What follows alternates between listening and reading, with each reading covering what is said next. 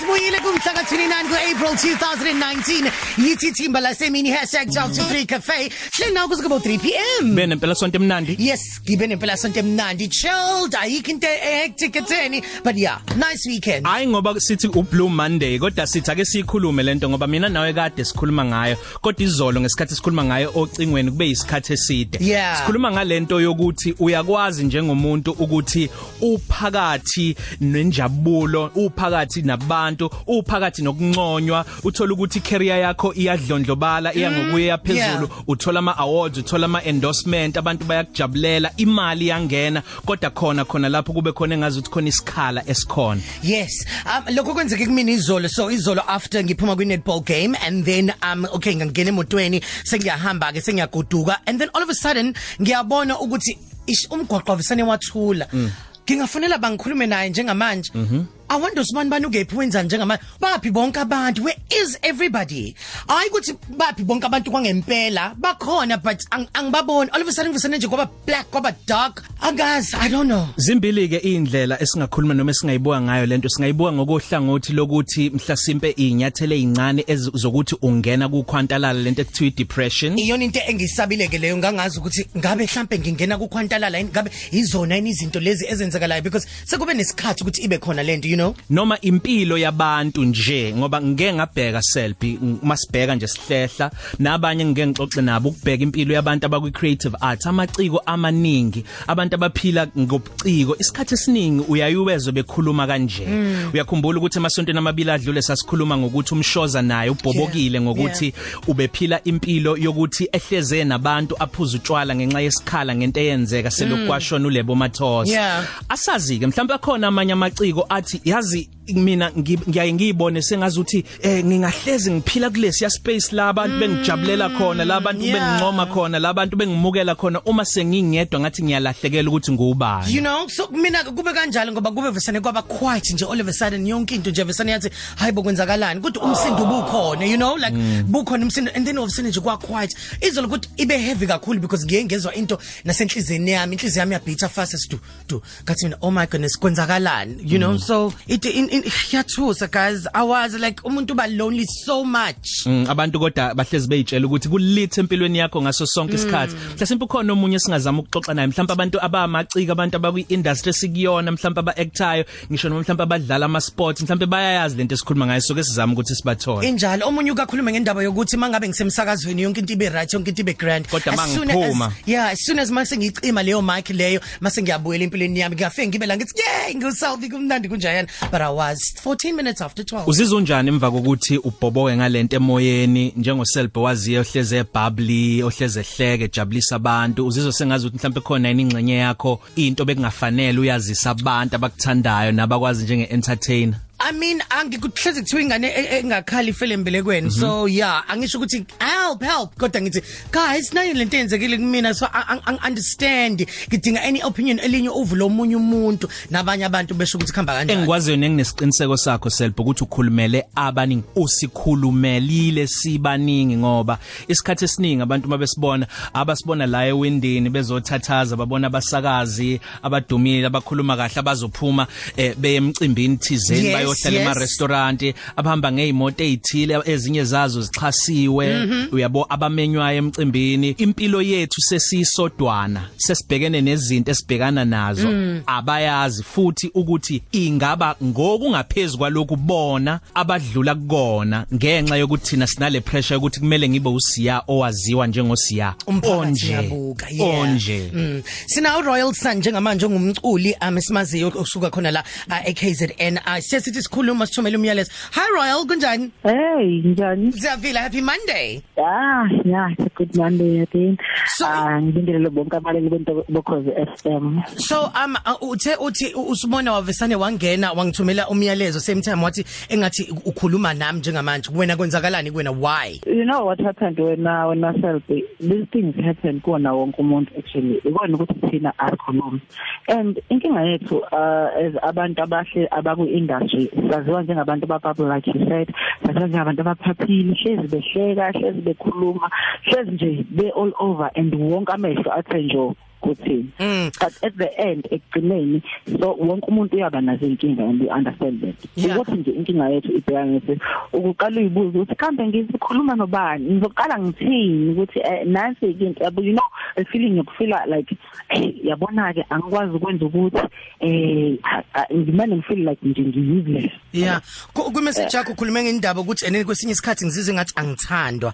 Uzizwa nje unloved kodwa uthanda Yeah. khona endlini. ya u- uthi uthando ne kodwa kube nezinto eziwenzayo ukuthi ish usiyami yabona nje ngazi ukuthi nje imizamo nje engiyenzayo ayenzakali because uyabona ukuthi uya ukhona la uyakhona uyaphambili. But ke kube nezinto ezikuhleshisayo ngathi uyahlehla emuva and uyabona ngathi ukuthi eh nabantu abaseduze kwami ayi, ngazi ukuthi they will get tired of me you know?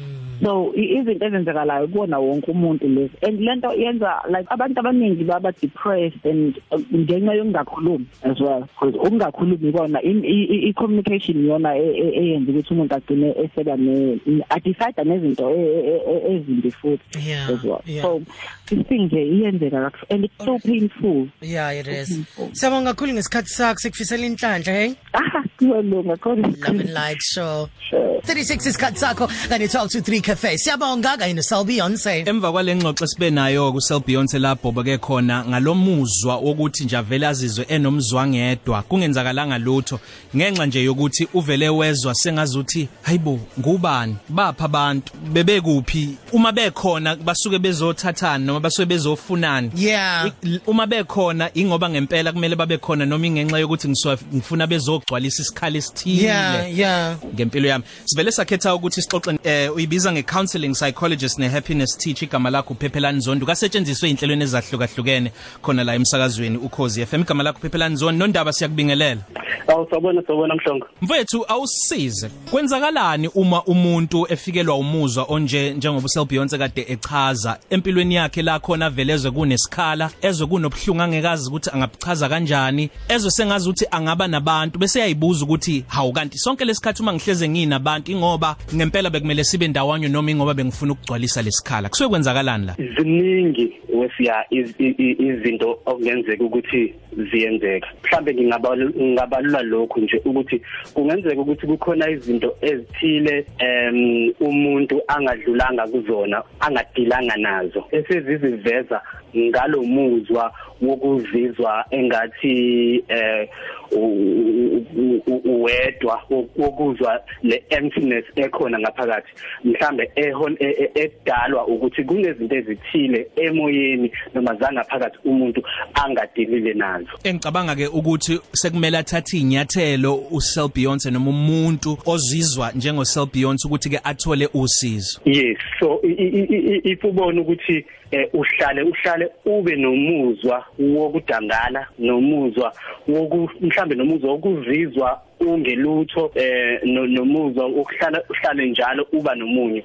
Kumele usukume eh uyofuna usizo le counseling kubantu abama counselors noma abama psychologists aseduzane nawe. Kodwa nje ukuthinta em ukuthi yiziphi impawu ezenza eh, eh, yiziphi izimpawu ongazibheka ukuthi mhlambe uyadinga usizo olu emotional noma psychological ukuba nawo umuzwa wokuhlala no- wokuhlala uhlale udangele. Ake sikhulume uhlale ngal- uhlale A- ake sikhulume ngale ngxenye yamaciko. Abantu esingathi bakwi media entertainment noma baziphilisa ngeziphiwo zabo namathalente abo. Ngabe kwamanga na ukuthi umuzwa onjengalo umuzwa osheshe ufike kubona? Mhlambe ngale kokuba abala baseningizimu Afrika ngingabala abantu abangafana no Michael Jackson Grace Jones nabanye bezemidlalo ngikhetha ukuthi ngibala abaphesheya.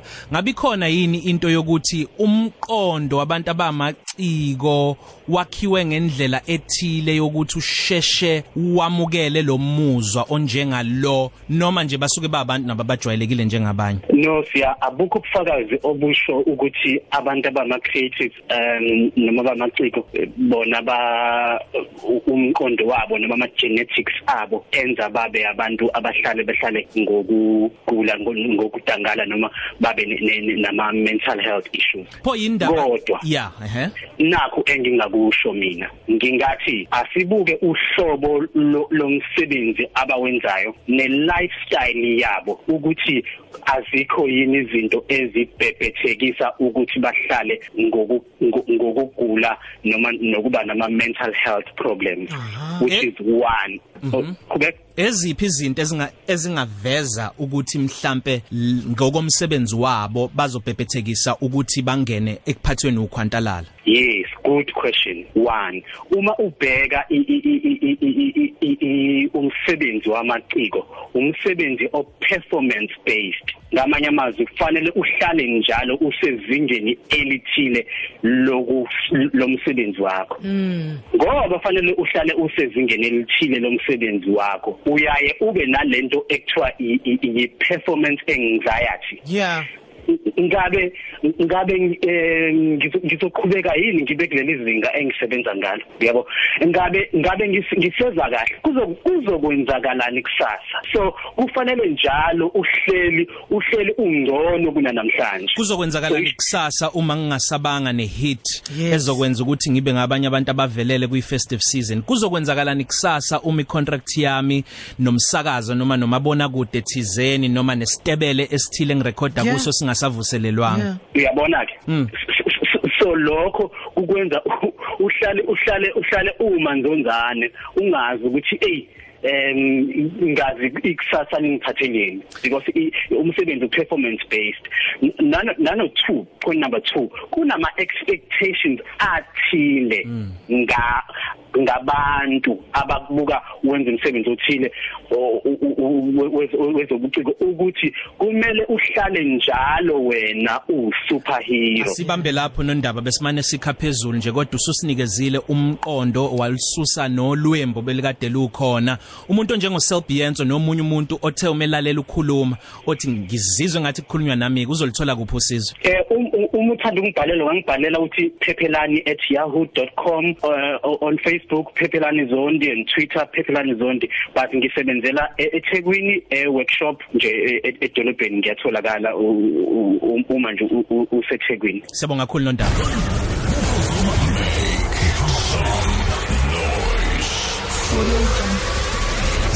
Siyan Sibeyond ukhozi FM luhamba phambili. 12 to 3